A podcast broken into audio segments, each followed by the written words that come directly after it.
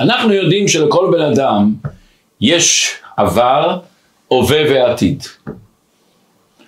כמה השפעה יש לעבר על ההווה שלנו, על העתיד שלנו. ויש אנשים שעם העבר שלהם היה לא הכי טוב, הם מרגישים ייאוש, זהו זה. הם לא מוכנים ולא חושבים שהם לא מסוגלים לצאת מזה. יש אנשים הפוך, אם העבר שלו היה מפואר, בא ממשפחה יפה, חושב לעצמו, אני בטוח שאצליח בחיים. היום נלמד קצת פרשה מרתקת מאוד, שלא מכירים כל כך הרבה אנשים, על הנכד שלא פחות ולא יותר ממשה רבנו. בא במשפחה נפלאה, משה רבנו הביא את התורה לעם ישראל. כולנו מכירים את משה רבנו, מי היה הנכד שלו. אז בואו נראה, למשה אומרת התורה היה לו שני בנים, אחד גרשום ואחד אליעזר. לגרשום היה בן אחד, יהונתן השם שלו היה. בואו נלמד קצת מה קרה איתו, מה קרה עם הנכד הזה, שלכאורה כולנו היינו רוצים להיות כזה נכד של משה רבינו. אז זה שכתוב בספר שופטים, שהוא נולד באחד מערי הלוויים, ובאחד הימים הוא חיפש פרנסה, לא היה לו פרנסה. אז הוא בא למקום שנקרא בית מיכה. אנחנו כולנו מכירים את פסל מיכה. הוא בא לאותו מקום, ואותו הבן אדם הזה השפיע עליו שתישאר אצלי ותהיה כהן, הוא אמר לו שאני לוי, תהיה כהן, תהיה המשרת, תקבל את פני האנשים של פסל מיכה. בהתחלה הוא לא הסכים והוא עזב אותו, אבל אחרי זה הוא הבטיח לו הרבה דברים והוא חזר אליו והסכים להיות כהן לעבודה זרה של מיכה. לא פחות ולא יותר. עברו כמה שנים ובאו משבט דן אליו, הם רצו לחפש מקום לכבוש אותו, התארחו אצלו וראו את הפסל מיכה ורצו לגנוב אותו. והוא ראה כשהם הולכים לגנוב אז הוא אמר להם, אבל הם השתיקו אותו, אמרו אם תשתוק ותיתן לנו לגנוב, אנחנו ניקח אותך להיות כהן בשבט שלם, בשבט דן, אצל פסל מיכה הזה. וזה מה שכתוב בפסוק, אומר הפסוק ויקומו להם בני דן את הפסל ויונתן בן גרשום בן מנשה, עוד מעט נראה מנשה, הוא ובניו היו כהנים לשבט הדני עד יום גלות הארץ. וישימו להם את פסל מיכה אשר עשה. אומרת הגמרא, שואלת הגמרא, ויונתן בן גרשום בן מנשה? מה זה מנשה? אנחנו יודעים שהוא היה בן משה. אומרת הגמרא דבר מעניין, אם נסתכל בתורה איך הוא כתוב מנשה, הנן, הנון, סליחה, היא תלויה מעל השורה. כזאת עוד קטנה שתלויה מעל השורה. זאת אומרת שאם אתה לא מחשב אותה זה נהיה משה, אתה מוציא את הנן. שואלת הגמרא למה הוא נקרא, למה הנן הזה תלויה למעלה? מכיוון שבאמת הוא היה משה. אז למה בכלל מכניסים את הנון הזה? אומרת הגמרא דבר נורא ואיום. היה לו בחירה להיות הבן של משה רבינו, או הבן של מנשה, מנשה אנחנו כולנו מכירים שהוא היה זה שהעמיד עבודה זרה, הוא, הוא, הוא אחד שעבד עבודה זרה. אז נכון מבחינה פיזית הוא היה הבן של משה, אבל היה הנון בצד שהוא היה יכול להיות הבן של מנשה, והוא בחר להיות הבן של מנשה. מעניין, הרי מי היה הראשון שהיה עובד עבודה זרה? ירבעם בן נבט. למה אומרים מנשה? אז מסבירים המפרשים דבר מאוד מעניין. מנשה הוא היה הראשון שאבא שלו היה חזקיהו המלך צדיק מופלג, פעם ראשונה בהיסטוריה שבן של צדיק יורד להיות עבודה זרה. לכן אומרים מנשה ולא יהיה רבם נבט. אוקיי. ואז הגמרא מספרת דבר נורא, אומרת הגמרא שהם באו אליו, והם שאלו אותו מי אתה, הוא אמר מי הוא, אז הם אומרים לו רגע רגע אתה לא בא ממשה רבינו? ממשה רבנו שהקדוש ברוך הוא בסנה אומר לו אל תקרב אלום תתקרא המקום הוא קדוש. משה רבנו אותו שהקדוש ברוך הוא אמר לו מה זה בידך? ועם המטה הוא הוציא את בני ישראל מצרים משה רבנו אותו אדם שהקדוש ברוך הוא אמר לו ואתה פה אעמוד עמדי כתוב פה אל פה אדבר בו אתה משה איך אתה עובד לעבודה זרה? איך אתה כהן לעבודה זרה? אומר להם אותו יהונתן אומר להם ככה אמר להם כך מקובלני מבית אבי אבא זאת אומרת מהסבא משה רבינו לעולם יזכיר אדם עצמו לעבודה זרה ואל יצטרך לבריות אומרת הגמרא מה הוא הבין מזה? הוא שמע את זה בבית שמה אז הוא הבין תזכיר את עצמך לעבודה זרה אומרת הגמרא ולא היא, לא התכוונו לזה. מה התכוונו? אלא עבודה זרה, עבודה שזרה לו. יש עבודות שזה לא לפי הכבוד שלנו, לפי המעמד שלנו.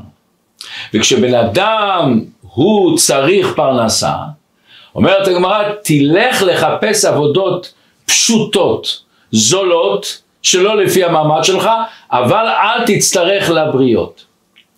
אז זה מה שאומרת הגמרא הלאה, הוא כדאמר רב כהנא, פשוט נבלה בשוק, לפשוט נבלה זה עבודה בזויה, מסריח וכולי, וקח את, את השכר שלך, אבל אל תצטרך לבריות. אבל הוא פירש את זה, מה זה השכיר את עצמך לעבודה זרה? ממש עבודה זרה. עכשיו, איך יכול להיות שנכד של משה רבינו, בן של גרשום, איך הוא הלך ל- ל- לעשות עבודה זרה? מסביר הרשב"ם, וזה בעצם על פי הירושלמי, שאותו הנכד יהונתן בתוך תוכו הוא לא האמין בעבודה זרה. עד כדי כך אומר הירושלמי שאם באו אליו אנשים ואמרו לו אני רוצה להקריב איזה קורבן לפייס את העבודה הזרה, אז היו צריכים לפייס אותו שהוא לא יכעס עליהם. הוא צחק מלהם, אז הוא אמר להם, אז הוא אומר להם הפסל לא עושה כלום הוא אמר להם, שום דבר. אתם רוצים תביאו לי סולת עם עשר ביצים, הביאו לו את הסולת ועשר ביצים והוא אכל אותם, הוא לא הביא אותם בכלל לפסל. והוא השפיע על הרבה אנשים שלא יעבדו עבודה זרה. זאת אומרת, זה היה ג'וב שלו, זה היה ממש, הוא עשה את זה בשביל פרנסה, בשביל אוכל, אז הוא חשב שזה מותר, מכיוון שבתוך תוכו הוא לא מאמין לזה. ועד כדי כך שאומר הירושלמי בשכר זה, שהוא השפיע על אנשים אחרים לא לעבוד עבודה זרה, הוא זכה לאריכות ימין עד דוד המלך. אנחנו עוד מעט נראה שגם דוד השתמש איתו. ודוד בעצם מצא את הפתח איך להחזיר אותו בתשובה. עכשיו, כמובן שזה אסור לעשות. כמובן אסור לך ללכת לשמש עבודה זרה, גם אם בתוך תוכתך אתה לא מאמין בזה, גם אם אתה בפנימה לא רק לא מאמין, אתה משפיע על אנשים אחרים, אסור לעשות את זה. אבל הוא שמע מה שהוא רוצה לשמוע. פה אמרו לו לך להזכיר את עצמך לעבודה זרה, מה התכוונו? עבודה זרה, פסיק באמצע. עבודה שהיא לא לפי כבודך, אבל הוא, הוא שמע מה שהוא רצה לשמוע, כמו שהרבה אנשים שומעים מה שהם רוצים לשמוע, ובגלל זה הוא הלך ועשה את הדבר הזה. אוקיי. מה היה בסופו? מה היה הסוף שלו? אומרת הגמרא, ראה דוד המלך שממון חביב עליו, יש אנשים שאוהבים ממון. אז אומרת הגמרא, מה הוא עשה איתו? הוא נתן לו שיהיה אחראי על האוצרות שלו. ומה אומר הפסוק? ושבאל בן גרשום בן משה נגיד על האוצרות. שואלת הגמרא, מה הוא נקרא שבאל? מה, מה, מה זה שבאל? השם שלו היה יונתן. אומרת הגמרא, מה זה שבאל? שהוא שב אל השם. אמר רבי יוחנן ששב להשם בכל ליבו. הוא חזר בתשובה. הסוף שלו הוא חזר בתשובה, איך? בסוגריים פה נראה יפה. דוד המלך מצא את החולשה שלו. מצא את הנקודה שלו. ואתה תופס את הנקודה הפנימית של בן אדם חשוב שהיא נוגעת, עם זה אתה יכול לקרב אותו לקדוש ברוך אבל בואו נראה קצת בצורה פנימית יותר, מה הסיפור פה באמת, מה הסיפור? אז יש עוד מדרש במחילתא. הרי משה רבינו בא ליתרו, אחרי שאנחנו זוכרים שהוא הציל את הבנות שלו, היה לו את השבע בנות, והוא אומר לו, אני רוצה את ציפורה בתך לאישה. אמר לו יתרו, אני מוכן להביא לך את הבת, תקבל עליך דבר זה שאומר אני לך. מהו? אז הוא אומר לו, בן שיהיה לך תחילה, יהיה לעבודה זרה. מכאן ואילך לשם שמיים. הראשון יהיה לעבודה זרה, אחר כך תהיה לשם שמיים. וקיבל עליו, ויתרו ביקש ממשה להישבע לו וישבע לו. וכאן השאלה זועקת עד השמיים. איך משה רבנו מסכים שהבן הראשון שלו יהיה לעבודה זרה? משה רבנו המאמין הגדול בקדוש ברוך איך, איך ריבונו שלום, איך הוא מסוגל להסכים, גם אם הוא רוצה להתחתן עם ציפור, איך הוא עושה את זה? עוד יותר שאלה, איך יתרו הסכים לזה? לא הסכים, ביקש את זה, יתרו עשה איתו תנאי, מה פתאום יתרו עושה תנאי? אז לכאורה היה אפשר לומר, שכמו שרוצים להגיד כמה מפרשים הטרטורים, שמשה רבנו ידע שבסוף יתרו יתגייר, בסוף הוא יאמין, ממילא התנאי הזה יתבטל. זה דרך אחת. אבל לכאורה זה לא כל כך פשוט למה. אנחנו מכירים שמשה בא וראה את הרועים שגירשו את בנות יתרו. למה הם מגרשים אותם? וממתי בנות הן רואות את צאן אביהם בדרך כלל או, או האבא או שהנשים שלו, העבדים שלו. אומר המדרש, יתרו כהן לעבודת כוכבים היה, וראה שאין בה ממש, הוא בישר עליה, הוא צחק ממנה, וקרא לבני עירו ואמר להם, הוא בא לעיר שלו, ואומר, עד עכשיו הייתי משמש אתכם, אבל עכשיו מעתה אני זקן, הוא רצה לחפש דרך איך לצאת מזה, ואני לא רוצה להיות כהן. והם מיד הרגישו דברים היוצאים מן הלב נכנסים ללב והם תפסו את העניין. אומר המדרש עמדו ונידוהו שלא יזדקק לו אדם, אף אחד היה אסור לעבוד לו. אף אחד היה אסור לשמש את הצאן שלו בבית שלו. ואף אחד ולא יעשו לו מלאכה, שום מלאכה בבית משהו נשבר, אף אחד לא אסור לעבוד. ולא יראו את צאנו לפיכך, אין לו ברירה, הוציא את בנותיו. לכן שהוא בא, שמשה רבנו בא ורואה את הבנות, הן באות לבאר, רוצות לקוחת מים, ומיד הרועים מגרשים אותם, למה מגרשים? החרימו אותו. לא רק אותו, את הבנות שלו החרימו. אז איך יכול להיות שיתרו הזה, שהלך באיזשהו מקום למסירות נפש, והלך לעזוב את, ה, את הכהונה, את הפרנסה שלו, בגלל זה החרימו אותו, הוא פתאום עושה תנאי למשה, בתנאי שהילד הראשון שלך יהיה תחילה לעבודה זרה. הבן שיהיה חי לעבודה, איך הוא אמר את זה? בכלל אנחנו יודעים שיתרו היה בן אדם מיוחד מאוד. לא סתם הוא זכה שפרשת השבוע, פרשת יתרו, פה נאמר מתן תורה, וכל המפרשים שואלים, זה השם של הפרשה יתרו? יש שם, למה לא שם משה רבינו, לוחות, מתן תורה, למה יתרו? אלא כתוב בזוהר הקדוש דבר נורא ואיום. אומר הזוהר, עד שלא בא יתרו והודה לקדוש ברוך הוא, לא ניתנה התורה לישראל. רק מי שהודה לקדוש ברוך הוא, אז הסתה לקודשו בעיקרי אלה ותתאי, ואז הביא את התורה. היה כזה גילוי אלוקות שהוא בא להגיד, הרי אנחנו זוכרים איך שהוא אמר את הפסוק הנורא, כי גדול השם מכל האלוקים. אומר רש"י, מלמד שהיה מכיר בכל עבודה זרה שבעולם שלו הניח עבודה זרה שלא עבדה. הוא אמר ברוך השם אשר הציל אתכם ועתה ידעתי כי גדול השם מכל האלוקים. אני יודע, למה אני יודע? עבדתי את כל עבודה זרה שבעולם. אני מכיר את כל מה שהם זה הבל הבלים. השם הוא האלוקים. לכן הוא זכה במתן תורה שהוא נקרא על שם הפרשה מכיוון שרק אז אומר הזוהר השם נתן את התורה לעולם, העולם היה מספיק מזוכח, מספיק מרומם, אחרי שיתרו בא והוא הודה לקדוש ברוך הוא שהוא זרק את כל העבודה הזרה שבעולם, לכן הקדוש ברוך הוא עשה. אז לכאורה לפי זה, איך יכול להיות שיתרו עושה תנאים כאלה? עוד יותר קשה, יש לנו כלל בתורה, מתנה על מה שכתוב בתורה, התנאי בטל בכלל, איך משה עשה תנאי כזה? אי אפשר לעשות תנאי כזה. אחד המפרשים על, על, על התורה זה רבינו אפרים, והוא מסביר הסבר מעניין מאוד. הוא מסביר פירושו, מה הפשט שהוא אמר לו בתנאי שיהיה לך בן לעבודה זרה? כמו שאמרנו אז, לעבודה זרה. דבר שלא מתאים לך, שלא לא לפי המעמד שלך, אז הוא מסביר מה? ללמוד נימוסי המדיינים, לדבר את השפה שלהם, ללבוש את הלבוש שלהם, וזה הוא אומר, זה מה שכתוב, שאדם צריך לעבוד עבודה זרה, בכדי שלא יצטרך לבריות.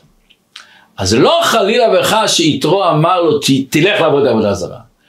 הוא אמר לו פשוט מאוד, הוא אמר לו פשוט שיהיה דומה למדיינים, שילמד את השפה שלהם, את הלבושים שלהם, שילך אחריהם, אבל לא שיעבוד עבודה זרה. מה כאן העומק של הדברים? מה יתרו רצה פה, ולמה משה בעצם לא הסכים אותו, רק הוא, ב, כמו שאומרים, בלית ברירה הסכים, ועוד מעט נראה שהוא לא הסכים בעצם למה שיתרו התכוון, הוא, הוא רצה למשהו אחר בכלל, משה רבינו. אנחנו מכירים שאנשים שעברו התמכרות נגיד, לסמים, לאלכוהול, ונגמלו מזה ויצאו מזה, הם הכי אלה שמבינים כמה צריך לברוח. אנשים שעברו באיזשהו מצב, ולא להיכנס לפרטים, איזה דבר שהשפיע עליהם מאוד רע, הם נהיים אלרגיים לזה, אלרגיים לזה. מישהו אומר להם שמישהו עשה למישהו עשה, מיד הוא נהיה אלרגי לזה. למה? הוא הרגיש את זה על הדם שלו, על הבשר שלו. מי שחלילה וחס היה חולה וראה שזה בגלל סיגריות, והוא נהיה מודע לזה והוא ראה את זה, כמו שהיום יש כאלה שהולכים לבית רפואה ועושים להם צילום רנטגן, והם מעשנים ובזמן העישון רואים שהריאות מתמלאות שחור שחור. האנשים האלה הם הרבה יותר מרגישים את הבעיה. אבל אנשים שאין להם את זה, אנשים שאף פעם לא התמכרו לסמים או דברים אחרים, לא חשוב מה, לפעמים לא מסוגלים להבין את זה. הם לא צועקים גוואלד גוואלד שמישהו עושה את זה, הוא לא מרגיש את הבעיה הזאת. וזה העוצמה של בעלי תשובה. המקום של בעלי תשובה עומדים, אין צדיקים גמורים, יכולים לעמוד, לא עומדים, יכולים לעמוד. מה פירוש? בעל תשובה שהרגיש את ההבל הבלים של כל העולם, אנחנו רואים את התפילה שלו, רואים את, ה, את ההתלהבות שלו בתורה ומצוות, רואים את ההתחדשות שלו בכל מקום. יש כזאת בדיחה שאומרים, מתי הבעל תשובה מפסיק להיות בעל תשובה? שהוא מתחיל לדבר בזמן התפילה. ולא פעם נכנסים לבית כנסת ובעלי תשובה, איך אתה מדבר, איך אתה מדבר, איך אתה מתנהג, איך אתה מתנהג. אתם רואים עומדים בביטול עצום לקדוש ברוך הוא. או כשעושים מצווה, איזה, איזה רגש יש במצווה. איזה התלהבות יש שהוא מלביש את הציצית. למה? הוא ראה את ההבל אבל. הוא לא חי כמו האנשים האלה שמגיל ילדות התרגלו לזה, זה הרגל מסוים. אין את ה... ולבקר בהיכלות. דוד המלך אומר, אחת שאלתי מאת השם אותה אבקש, שיפתי בבית השם כל ימי חיי ולבקר. מה זה לבקר? להרגיש כל פעם את ההתחדשות הנפלאה הזאת. יתרו הוא היה בעולם הזה. הוא עבד את כל העבודה הזרה שבעולם. ופתאום הוא יודע, הוא לא רק מאמין, הוא לא רק אומר, הוא מרגיש את זה בכל רמ"ח איברים, כל ההוויה שלו צועק את השם הוא אלוקים. הוא ידע את המעלה הזאת שאתה נמצא בעולם אחר ואתה מרגיש את האפס ואת ההבל הבלים ואתה חוזר לזה. יתרו אמר, אני רוצה שהנכד שלי, שהבן שלי, הבן הראשון שלי, ירגיש את מה שאני מרגיש. שהוא יהיה כזה עובד אלוקים, שבזכותו הקדוש ברוך הוא נתן את התורה, שבזכותו השם נתן את השם של פרשת השבוע בשם יתרו של מתן תורה. למה? העוצמה שלו, המדרגה שהביאה, כמו שאומר הזוהר, אף אחד לא הגיע למדרגה כזאת. איזה שפע אלוקי הוא פעל בעולם. אז הוא אומר, אני רוצה שהוא יעבור את הניסיונות האלה, שיעבור את הקשיים האלה, שהוא יגיע למסקנה לא בגלל שהוא התחנך בבית שלו, לא בגלל שהוא שמע את האבא והסבא, שהוא יגיע למצב מסוים שזה יהיה המהות שלו החיים שלו. זה מה שהוא רצה שיהיה, זה מה שהוא רצה שיהיה. שהוא ירגיש כמו שהוא מרגיש שהוא רצה שהוא ירגיש. אבל משה רבינו לא הסכים עם זה. למה? משה רבינו גם כן היה בבחינה מה אותו המצב של יתרו. התחנך בבית של פרעה, ידע שאם הוא יוצא לאחיו חלילה יהרגו אותו, והוא יצא לאחיו לעזור להם, לראות את הסבל שלהם. ובסוף הוא ברח ופרעה רצה להרוג אותו, ועד שלא אמרו לו שפרעה לא רוצה להרוג אותו, הוא לא חזר למצרים. הוא גם באיזשהו מקום התחנך אצל פרעה, התחנך אצל כל הסביבה שלו, הבית ספר שלו, המורים שלו היו מצרים עובדי עבודה זרה. משה ידע את המעלה הזאת. משה אמר, מה שאני יכול לעשות לא אומר שהבן שלי יכול לעשות. ויש לנו את הכלל הגדול, אל תביאנו לידי ניסיון. אם השם הכניס אותך בניסיון, זה השליחות שלך, זה אתה צריך לעשות. יתרו, אתה צריך לעשות את זה מכאן שהשם שם אותך במצב כזה. והשם אמר, זה השליחות שלך, זה העבודה שלך, ונתן לך את הכוחות לזה. משה רבנו גם, אם השם נתן לו את, ה, את המצבים האלה, יש לו את הכוחות האלה. אבל שיש לך ילד, שיש לך משפחה, אתה לא שם אותה במצב כזה. אתה שומר עליה. בוא נגיד היה פעם מישהו שאמר לי, אני רוצה שהבן שלי יהיה יותר פתוח, ראש פתוח, שיסתובב קצת בעולם. אני שואל אותו, רק תגיד לי שאלה. אם מישהו דופק בבית שלך, ונכנס לך בן אדם עם שרשרות ברזל, היפי, אקדחים בשני הצדדים וחרב ככה מצד לצד. יותר חס ושלום שזה לא איש, זה מישהי. ואומר אני רוצה לשחק עם הבן שלך, היית נותן לו את זה? ואנשים לא שמים לב שהיום נותנים לילדים שלנו לראות סרטים בטלוויזיה, בכל מיני מקומות, שהם נפגשים עם כל השחיתויות שיש בעולם. כמה זה עושה להם שטיפת מוח ושטיפת עיניים ושטיפת אוזניים. כמה הם רואים דברים שליליים. אז מה אנחנו חושבים? זה, זה הוא בבית, אבל הוא נפגש עם זה, זה אותו דבר אם מישהו דופק בדלת כמו שאמרנו ורוצה להיפגש עם הבן שלך או הבת שלך. תיתן לו, תגיד אוקיי אני נותן לו ראש פתוח שיפגוש והוא יראה שזה לא נכון.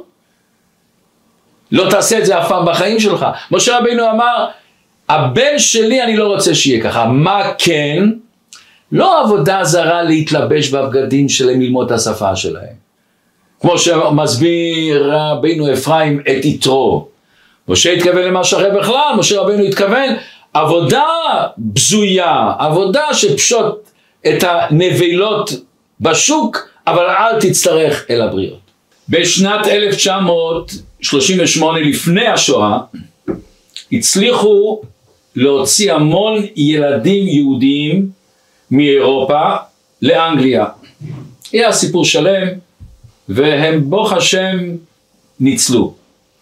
ואז הרב הראשי היה הרב אברמסקי, הרב יחזקאל אברמסקי, והוא הכניס אותם במשפחות שומרי תורה ומצוות, בגלל שכמעט כל הילדים היו משפחות שומרי תורה ומצוות. אבל לא היה לו מספיק, והיו עוד כמה משפחות שומרי תורה ומצוות, אבל היו מאוד עניות, ולא היה להם את האפשרות להכניס ילדים הביתה עוד. אז הוא התחיל לעשות מגבית לעשות בשבילם כסף. ואז הוא התקשר לאיזה אדם עשיר מאוד, ואמר לו, תשמע, יש לי כאן את הקבוצה של הילדים, אנחנו מחפשים להם משפחות דתיות, יש משפחות שלא שומרי תורה מצוות שמוכנים להכניס אותם, אבל אנחנו רוצים משפחות דתיות. והוא אומר לו, זה פיקוח נפש ממש. ואז אותו עשיר אומר לו, תשמע, פיקוח נפש, אני גם במשפחה דתייה, היום אני לא כל כך, אבא שלי היה מאוד מאוד מקפיד לשמור שבת, ופעם אחת אחות שלי, השם ישמור, הייתה לא בריאה, והרופא אמר שצריכים להביא אותה לבית החולים, וזה היה בשבת, ואבא שלי הלך לרב לשאול מה לעשות, והרב אמר פיקוח נפש דוחה שבת, תיקח אותה, והוא לקח. פיקוח נפש זה שחס שלום אם לא יכול להיות ספק שחס שלום בן אדם לא יהיה פה בעולם. הילדים האלה יכולים ללכת למשפחות לא דתיות, הם לא אצל הנאצים, אין פה פיקוח נפש. אומר לו אברמסקי, זה כן פיקוח נפש, על השמירת מצוות זה פיקוח נפש. הוא כל כך כעס, הגביר הזה סגר את הטלפון. ואז בשבת בלילה, אותו גביר יושב עם המשפחה שלו, הם שמרו שבת בדרך כלל, והטלפון מתקשר, מתקשר, מתקשר, מתקשר, ואוקיי, הפסיק, עוד פעם מתקשר. הוא חשב אולי זה משהו דחוף, אז הוא מרים את הטלפון. ואז הוא מקבל שוק, מי מדבר? הרב יחזקאל אברמסקי, בשבת. אומר לו הרב, אולי שכחת, אולי אתה לא יודע, היום שבת. אומר לו, אני יודע ששבת. אבל אתה אמרת לי שפיקוח נפש דוחה שבת. הילדים האלה שיהיו במשפחות שומרי תורה ומצוות שלא יהיו נבלעים בעולם הזה, זה פיקוח נפש בשבילם. דברים היוצאים מן הלב נכנסים ללב, ואותו גביר נתן לו תרומה שכיסתה את כל מה שהוא היה צריך. זה מה שאומר משה רבנו ליתרו, אם אתה לא יכול לשים אותם במצב של ניסיונות, שהעולם הזה יכול לבלוע אותם. אתה עשית את זה, גם אני עשיתי את זה, גם משה רבנו עבר את זה, אבל אתה לא יכול להכניס אותם במצב הזה. אבל פה יש עוד נקודה חשובה מאוד. לא שהיהדות מרגישה נגד העולם הזה. לא שהיהדות רוצה לברוח מהעולם הזה כמו להבדיל הנוצרים, שם הכומר שרוצה, שכביכול להתקרב לקדוש ברוך הוא, אסור לו להתחתן. צריך להיות מובדל מן העולם. נזירות צריכות להיות מובדל מן העולם. בתורה זה בדיוק הפוך. כהן גדול שהולך לעבוד בבית המקדש הוא צריך להתחתן, ואם הוא לא מתחתן הוא לא יכול לעבוד בבית המקדש. התורה אומרת צריכים לשבת יצרה, לבנות משפחות בעולם הזה, לחיות בעולם הזה, ללכת לעסקים בעולם הזה, ומה? ואתה מגלה את האלוקות בעולם הזה. זה שיהודי עובד בעסק, אם יש חשש של ריבית הוא, הוא לא עושה את העסק, אם יש חשש של גניבה הוא לא עושה את העסק. אם יש חשש של חילול שבת הוא לא עושה את העסק. הוא מגלה את הקדוש ברוך הוא. הוא עושה שהקדוש ברוך הוא שולט בעולם. האלוקות צומחת בעולם. הפוך, הוא לא בורח מן העולם, הוא לוקח, הוא קונה בית, הוא שם מזוזה בבית, הוא מניח את התפילין, הוא עושה את הכל בכדי שיהיה ביטוי של הקדוש ברוך הוא לעולם הזה. אז היא לא פוחדת מעולם הזה, הפוך זה בדיוק הפוך. וזה הגדלות של משה רבנו שהוא אמר לאי יתרו, אני מתכוון לא עבודה זרה שאתה מתכוון שהוא יחיה כמו הגויים, כמו המדיינים, בשפה שלהם, בלבושים שלהם, ויתמודד, ומזה הוא יגדל. אל תביאנו לידי ניסיון. אבל פה יש דבר עוד יותר עמוק. אומר הארי הקדוש דבר נפלא. אומר אנחנו יודעים שיש ספר תורת הגלגולים. אומר הארי ז"ל, היה לנו רבי שמעון בר יוחאי. והיה לו בן רבי אלעזר. אומר, אומר הארי הקדוש, משה רבנו התגלגל בנשמה של רבי שמעון בר יוחאי. ומי היה הגלגול של הבן שלו אלעזר? הגלגול שלו היה אותו יהונתן הנכד של משה רבנו. מה הגלגול פה? איך יכול להיות שפתאום, מה, מה הקשר פה? למה הם היו צריכים לגלגל? אז פה יש שני הסברים מעניינים. הסבר אחד, משה רבינו אמר שאדם צריך ללכת להשתכר בעבודה זרה בשביל שלא ליהנות מן הבריות. לא לפשוט את היד. אבל מה הוא התכוון? העבודה זרה לך. לעשות עבודה שהיא לא לפי הרמה שלך, לא לפי הכבוד שלך, לא לפי המצב הנפשי שלך. לא מתאימה לך, אבל אסור לך ליהנות מן הבריות אם יש לך אפשרות עוד איכשהו לעבוד. יפה מאוד. מה אותו הנכד, יונתן, מה הוא שמע? הוא שמע ללכת לשמש בעבודה זרה. הוא אמר, אני בפנים לא מאמין בזה, אני יודע שזה צחוק, אפילו אני משפיע על אנשים אחרים שיצחקו מעבודה זרה. אבל בגלל פרנסה אני צריך ללכת לשמש עבודה זרה. וזה אסור בהלכה גם אם אתה לא מאמין בזה. גם אם אתה בתוך תוכך לועג לאותו עבודה זרה. אבל איך קרה המכשול הזה? בגלל שמשה רבינו אמר איזה משפט. גם אם משה רבינו לא התכוון שום דבר ולא רצה לעשות שום דבר, אבל באיזשהו מקום הוא, בגלל המשפט שלו, זה נגרם. אומר הארי הקדוש, הקדוש ברוך הוא לא משאיר פינה ריקה. לא משאיר נשמה בלי התיקון שלה.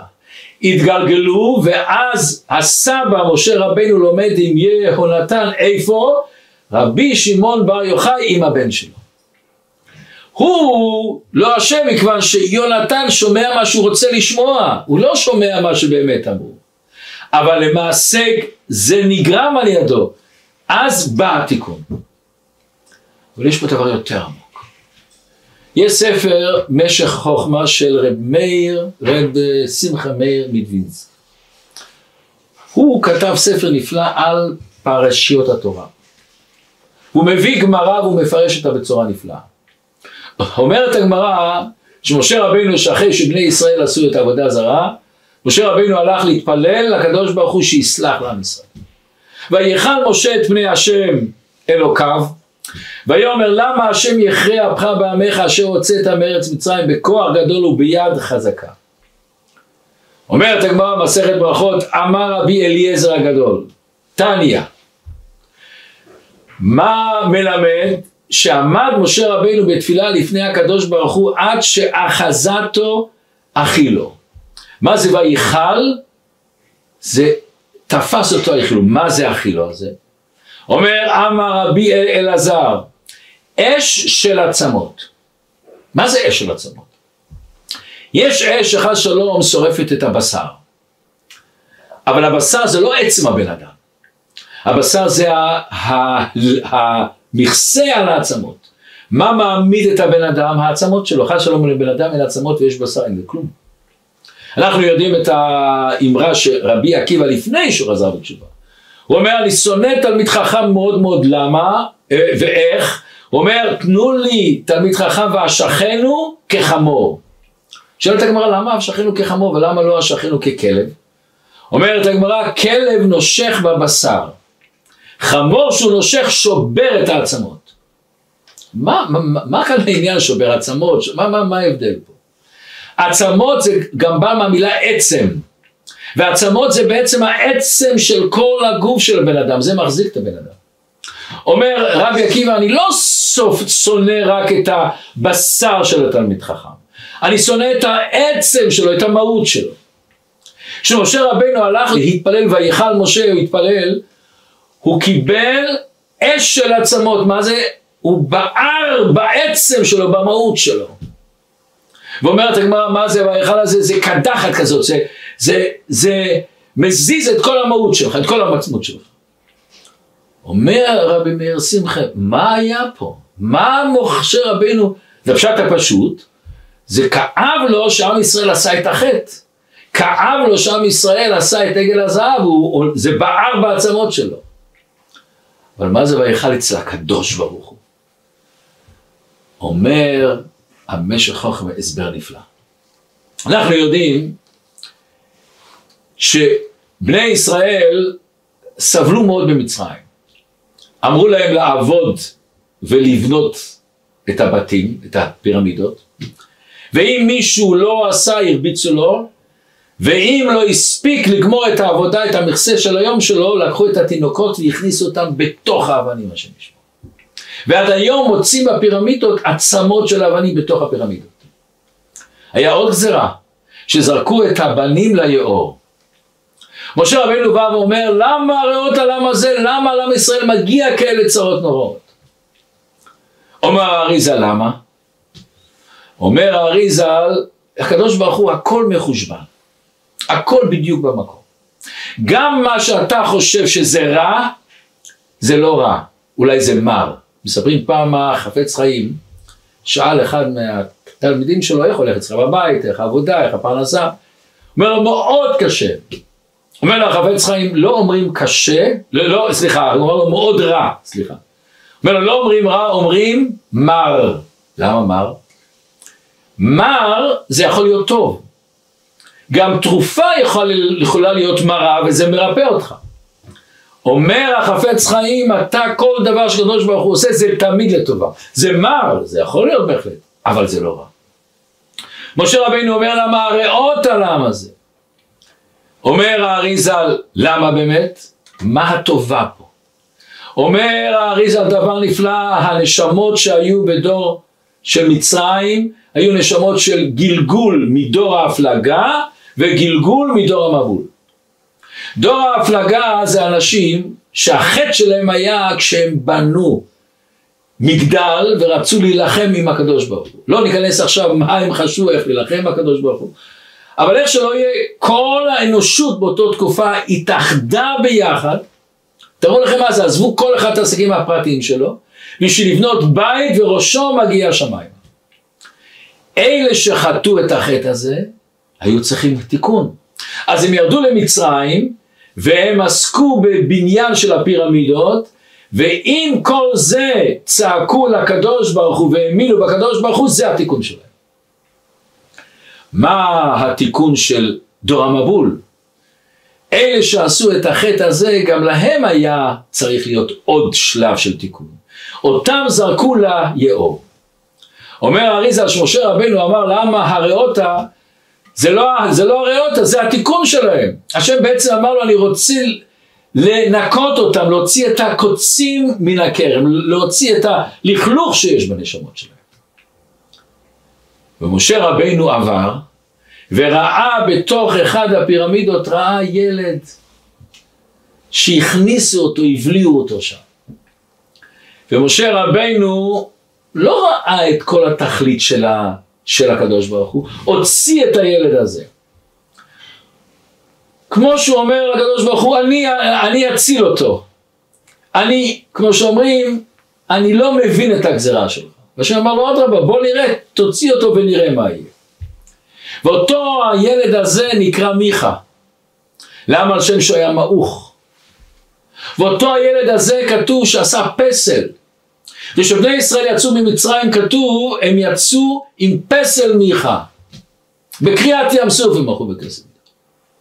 אומר המדרש, שמשה רבינו הלך לצאת כל עם ישראל כתוב שאספו זהב וכסף מצרים, ומשה רבינו הלך להוציא את עצמות יוסף, מכיוון שמשה השביע את עם ישראל שהם יצטרכו להוציא אותו.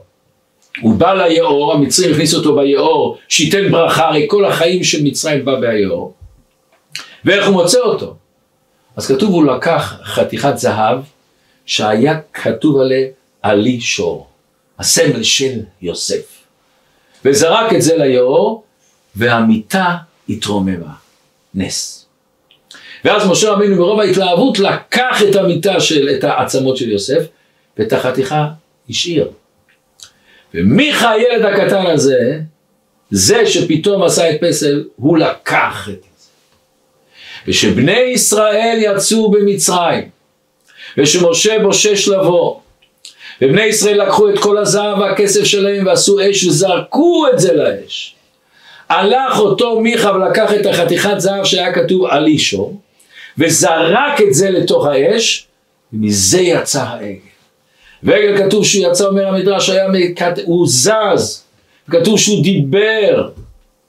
זה לא היה סתם עגל שהאמינו בחתיכת זהב, היה ניסיון עצום לבני ישראל לעמוד. משה רבנו, וואו, אני הצלתי את הילד הזה, ומהילד הזה נהיה פסל מיכה, ומהילד הזה נהיה עגל הזהב. זה שכתוב אש של עצמות באה במשה, ריבונו של עולם, הדבר התגלגל על ידי ריבונו של עולם. אבל זה עוד לא נגמר. אותו מיכה הזה, הוא זה שעשה את פסל מיכה, והוא העביד אצלו את הנכד של משה רבינו. את יהונתן הוא הביא. איזה אש בעצמות היה של משה רבינו. אני רציתי להציג ותראה מה שיצא. אין עצה ואין תבונה נגד השם. אומר הקדוש ברוך הוא, לכל דבר יש תיקון. אז משה רבינו התגלגל ברבי שמעון בר יוחאי. יונתן התגלגל בבן שלו אלעזר, והם תיקנו את החטא. עכשיו נוכל להבין יותר עמוק למה דווקא התגלגלו, למה הם צריכים להתגלגל. לתקן את האש שהיה בעצמות של משה. לתקן את הפגם הזה שהיה ביהונתן, אפילו שהוא לא האמין בעבודה זרה, אבל גם זה היה אסור. מה לומדים מזה? לומדים את זה תובנות עצומות. דבר ראשון, לומדים מזה, אל תאמין בעצמך עד יום מותך. אתה נכד של משה רבינו, מה פתאום? אל תאמין. אל תשמע ליתרו להכניס את עצמו לידי ניסיון בכדי לגדול מזה. אל תאמין בזה. מצד שני אנחנו עוד דבר לומדים. גם אם היית עובד לפסל מיכה, תמיד יש לך תיקון. גם אם ירדת, תמיד יש תיקון. ואותו יונתן כתוב שהוא חזר בתשובה. וכמו שאמרנו, למה הוא חזר בתשובה? שדוד המלך ראה את החולשה שלו, שהוא אוהב ממון, עשה אותו לשר האוצרות שלו. לקח את הנקודת החולשה שלו ומזה הוא הרים אותו. לכן הוא נקרא השוואה אל. הוא, הוא חזר אל הקדוש ברוך הוא וכתוב שם בכל ליבו הוא חזר. המסר שלנו הגדול, אל תאמין בעצמך מצד אחד, ומצד שני המסר הגדול הוא שגם אם נפלת, תמיד יש לך סיכוי לעלות. ותמיד המסר השלישי, איך תתפוס את הנקודה של בין לבן אדם הזה, הוא מסור, הוא קשור, הוא אוהב, ועם זה תנסה להרים אותו. שהשם ישלח לכולנו שפע ברכה, ושתמיד תמיד תמיד נדע לגלות את אותו משה רבינו שיש בתוכנו, את אותו עוצמה שיש בתוכנו, ונזכה בקרוב ממש לביאת משיח.